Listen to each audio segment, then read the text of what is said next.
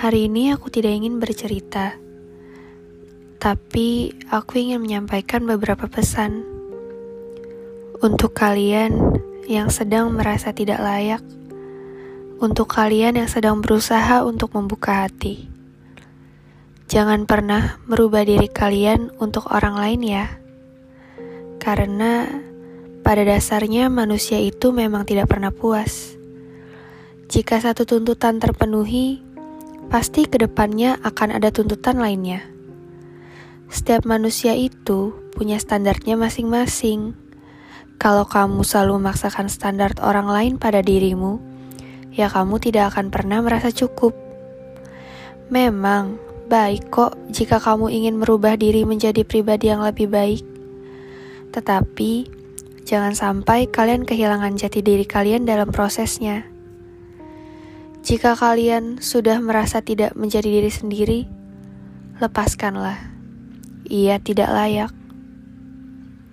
Lebih baik berdamailah dulu dengan diri sendiri sebelum kamu berdamai dengan orang lain. Isi gelas kalian terlebih dahulu sebelum kamu mengisi gelas orang lain. Jangan sampai kamu yang dehidrasi, nanti bisa mati. Siramilah tanaman kamu terlebih dahulu sebelum kamu menyirami tanaman orang lain. Rawatlah lukamu terlebih dahulu, baru kamu boleh merawat luka orang lain.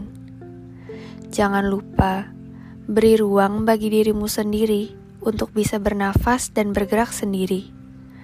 Setelah itu, nikmatilah kesendirian itu, biar kamu tahu bahwa kamu bisa kok berdiri di atas kakimu sendiri.